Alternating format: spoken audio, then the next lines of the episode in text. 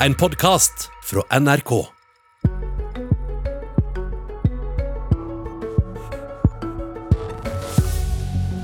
Hun fikk ros for å håndtere pandemien. Høyre ble landets største parti. Men så kom litt mange gjester til Geilo. En kommisjon fant brudd i beredskapen. Og nå er kommunene sine også, fordi de må gi fra seg vaksinene sine. Erna Solberg vil ta oss trygt tilbake til hverdagen, men vil folk la henne gjøre det? Hjertelig velkommen til Politisk kvarter, statsminister Erna Solberg. I dag er du først og fremst Høyre-leder. Mm. Og i sosiale medier så ser vi allerede nå Høyre-kampanjer med bilder av deg og teksten 'Trykk tilbake til hverdagen'. Du har altså ledet landet gjennom en koronapandemi hvor Norge har endt opp med færre dødsfall og alvorlig syke, og mindre konsekvenser for økonomien enn nesten alle andre land i verden, faktisk. Og i hvor stor grad skal vi takke Høyre for det? Eh, det er vi som har sittet i ledelsen sammen med KrF og Venstre av landet, men det er veldig mange som fortjener ære for det vi har gjort. Eh, for selv om vi kunne ha gjort mye ting bedre, eh, særlig på forhånd og i beredskap og den, den tingen, så har jo Norge levert på håndteringen av, av, av korona. Og det er fra kommunene ute i Norge som har eh, bygget opp et TISK-apparat, altså testing, isolering, smittesporing og karantenesystem, følge opp dette til alle de etatene som jobber i staten. Men det er selvfølgelig sånn at regjeringen også har fattet mange beslutninger. Vi har gjort det under eh, under mangel på eh, kunnskap i veldig stor grad om effekten av en del ting, men vi har valgt å fatte en del beslutninger som har bidratt også til dette. Finnes det noe ideologisk forskjell på hvordan du og hvordan de rød-grønne f.eks. ville ha håndtert pandemien? Eh, nei, det tror jeg ikke man kan si. Eh, at det er en ideologisk forskjell. Jeg har opplevd at det har vært stor grad av enighet om, eh, om hovedtrekkene i det man skal gjøre. Og så, så måte så tenker jeg at dette dreier seg om hvordan man håndterer når man er på vakt. Høyres hjemmesider gir oss ti gode grunner til å stemme Høyre, og en av dem det er mennesker skal få bestemme mest mulig over sin egen hverdag og gis frihet under ansvar. Hvordan har det gått, syns du, det siste året? Det har vært en av de absolutt viktigste veingspunktene vi har hatt når vi har holdt på, og der er det kanskje en ideologisk forskjell. Men det er klart eh, veldig mye av smittevernreglene dreier seg om å ta fra folk frihet til å gjøre akkurat det de vil. Men du har, suttet, du har sittet, og fortalt oss at vi skal være to og fem og ti og ja. ingen gjester hjemme. Du har fortalt oss at vi ikke skal på hytta fjellet, på, på fjellet i påsken. Eh, du bestemmer mye av 17. mai også på mandag. Du ser nesten ut som du har hatt det litt gøy underveis. Nei, det må jeg si at jeg syns ikke dette har vært gøy. Jeg syns dette har vært arbeidskrevende. Jeg syns det har vært eh, utfordrende. Eh, og jeg liker ikke å drive med detaljstyring av folks eh, liv. Det er mange små og store ting som vi gjerne skulle sluppet å ha noe, men Men hvorfor har du sånn gått så langt inn i detaljene, egentlig? Jo, men problemet er at det er jo i smitte vi må lage regler for smittevernet om hvordan dette skal håndteres. Og jeg tror at det har vært viktig at regjeringen har legitimert de vedtakene som fattes. Jeg tror det var viktig vi fikk kritikk for at det ikke var regjeringen som fattet de første inngripende vedtakene, men det var med regjeringens støtte. Og det var litt praktisk, for det var der Stortinget hadde plassert ansvaret på tidlig tidspunkt. Så har vi tatt ansvaret for disse forskriftene og reglene tilbake til regjeringen. Og da er det naturlig at regjeringen faktisk foretar disse avveiningene mellom ulike samfunnshensyn. Men vi har jo gjort det på et tungt smittefaglig råd inn til regjeringen.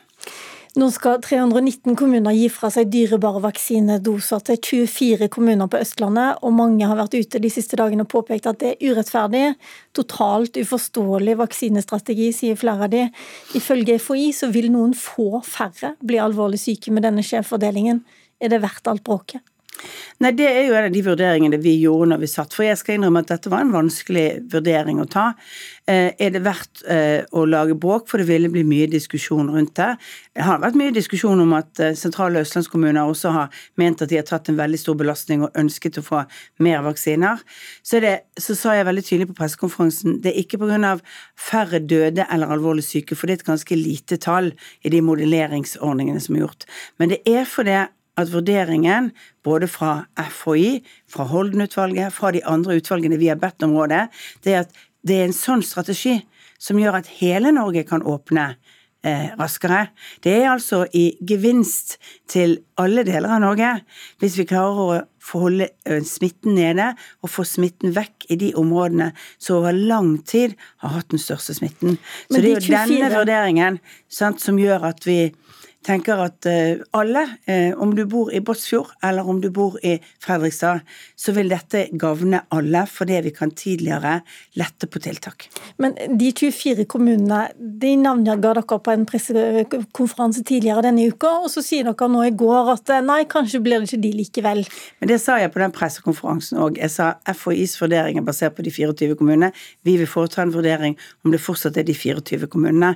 Det var en lang innledning på den pressekonferansen nettopp fordi vi tok alle de forbeholdene som kanskje ikke blir synlige i de første medierapporteringene, men som var veldig tydelig sagt. Vi gjør jo en vurdering om dette er de 24 riktige kommunene nå, om smittetrykket fortsatt er det.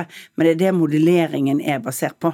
Jeg må ta et eh, annet spørsmål også fra den pressekonferansen som, er, som kom fram i, i, i rapportene etterpå.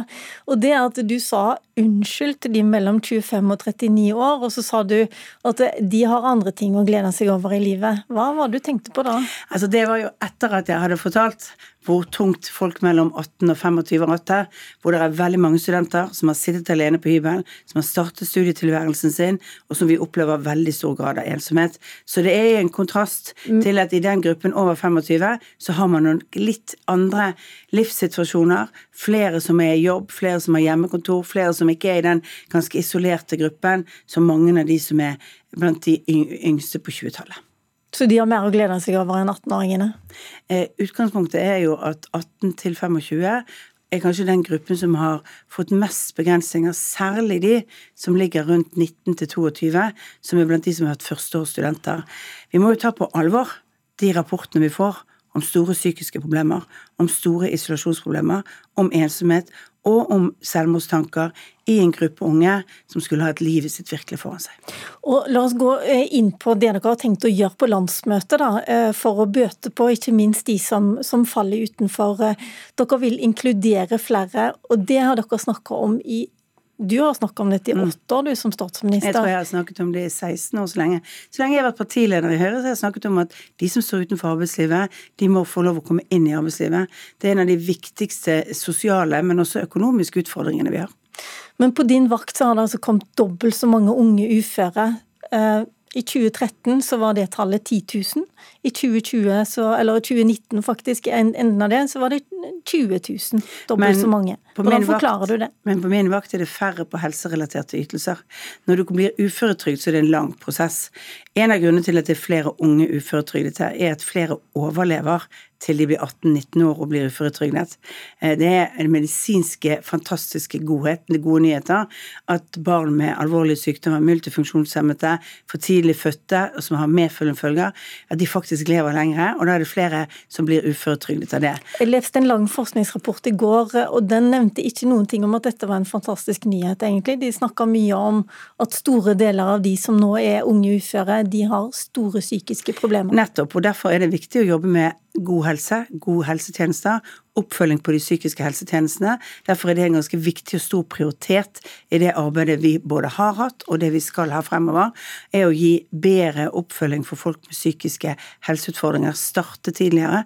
En av de store satsingene denne regjeringen har gjort, er å gi 1,3 milliarder kroner mer til kommunene, sånn at skolehelsetjenesten med, med helsesykepleiere på skolene blir sterkere som en første startpunkt, men også støtte opp om å si f.eks. Uh, igjen innføre krav om at alle kommuner må ha psykologkompetanse tilgjengelig, fordi vi trenger bedre oppfølging på psykisk helse.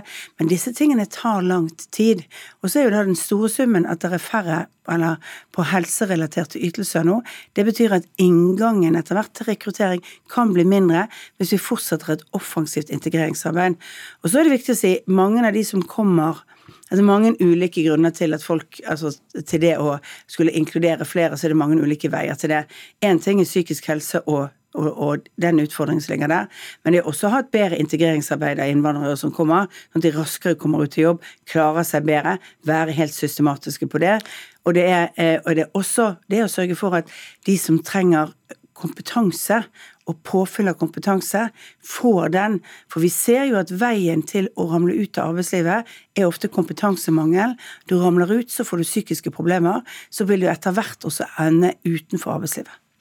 Du har også 200 000 eh, personer som nå står utenfor arbeidslivet, og en av jobbene deres blir å inkludere flere inn i arbeidslivet igjen. Er det formuesskatten, lavere formuesskatten, som er det viktigste grepet for det? Det er hashtag helheten, som vi pleier å si. Alle disse forsøkene på å tro at vi er et ensaks- eller enløsningsparti og bare har ett virkemiddel, det er bare tull. Men det, det som, som koster det mest er, penger, det er denne formuesskatten som dere skal, øke, skal senke enda mer? Det som har kostet mest penger i min regjeringstid, er den største satsingen noen gang på samferdsel. Vi har nesten doblet bevilgningene til samferdsel. Vi har økt bevilgningene til forsvar med 35% Vi har brukt mer penger på å gjøre Norge tryggere, gjøre infrastrukturen bedre snakker, og sørge for jo, men Nå bare prøver vi å snakke litt om å få folk du, i arbeid, og virkemidler for å få ja. folk, folk, i arbeid. og Da sier dere i Høyre veldig ofte at lavere skatter, det bidrar. Bedre, men jeg har, vel fortsatt ikke sett noen dokumentasjon på det. Bedre rammebetingelser og det er lavere skatter, det er å sørge for en effektiv offentlig sektor med mindre byråkrati, det er å bidra med mer penger til forskning og utvikling, det er å sørge for at vi utdanner gode, kompetente fagarbeidere, gode ingeniører, flinke folk i utdanningsinstitusjoner. Alt dette er en del av den helheten som Høyre har jobbet med systematisk i de åtte årene. Og før pandemien traff, så fikk vi flere arbeidsplasser. Sysselsettingsgraden eh, økte for første gang på ni år i den perioden. Vi var på vei inn i en mye bedre situasjon for jobbskaping, og fire av fem eh, nye arbeidsplasser kom i privat sektor. Nå skal vi klare å få fart på Norge igjen etter pandemien. Og det skal vi bruke mange av de samme virkemidlene. Og en av de fantastiske tingene som jeg kommer til å si noe om i landsmøtetalen min i dag, det er faktisk at det har skjedd mye bra også på jobbskaping, på bedriftsutvikling gjennom pandemien. Eh, det er veldig mange nye gründerbedrifter. Det er veldig mange nye selskaper som har gått på børs. Det er en stor skaperkraft i Norge. Okay. Det er et godt grunnlag. La meg bare Spørre. Um en av de tingene dere skal gjøre når dere skal få fart på Norge, hvis dere får nye, nye fire år, det er å uh, ja, få fart på Norge uten å bruke for mye penger. Og Da lurer jeg på, Har Høyre råd til å kutte uh, flypassasjeravgiften?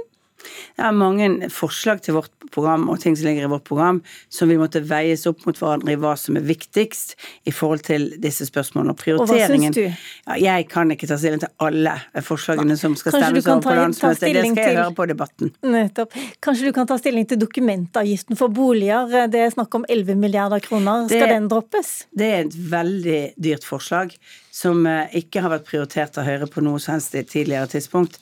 Eh, det vil jeg si at det er et eh, forslag vi neppe vil kunne klare å levere på, rett og slett fordi at det vil være så kostnadsøkende. Og, det det kan ikke være mange grunner til at vi skal ta ned boligbeskatning, for vi diskuterer hvilken del av boligbeskatningen i så fall. Men det er ikke det som er høyest prioritet for Høyre. Det er å skape jobber. Det er å sørge for at vi har gode rammebetingelser for bedriftene. En klar advarsel der altså til de som har foreslått dette på landsmøtet? Jeg tror vi må tenke over hvor dyrt noen forslag kan være, og at det ikke har vært et prioritert forslag fra oss fordi vi er opptatt av jobbskapingen, eh, sikkerheten for folk i dette, så er det mange irriterende skatter og avgifter i Norge for hvis du tar hver for seg.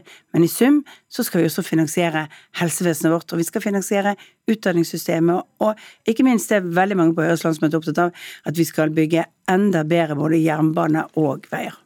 Erna Solberg, du har vært stortingsvalgt i 32 år. Du har vært leder i Høyre i 17 år, og du har vært statsminister i 8 år. Når er det nok? Det får vi se.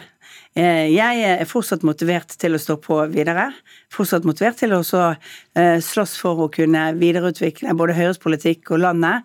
Og så er det opp til velgerne å bestemme hvor lenge man får lov å være statsminister. Og vi skal som parti jobbe hardt for å få, eh, for å få velgerne med oss frem til valgdagen. Og så er det jo sånn at det er partiet som bestemmer hvem som er leder i Høyre.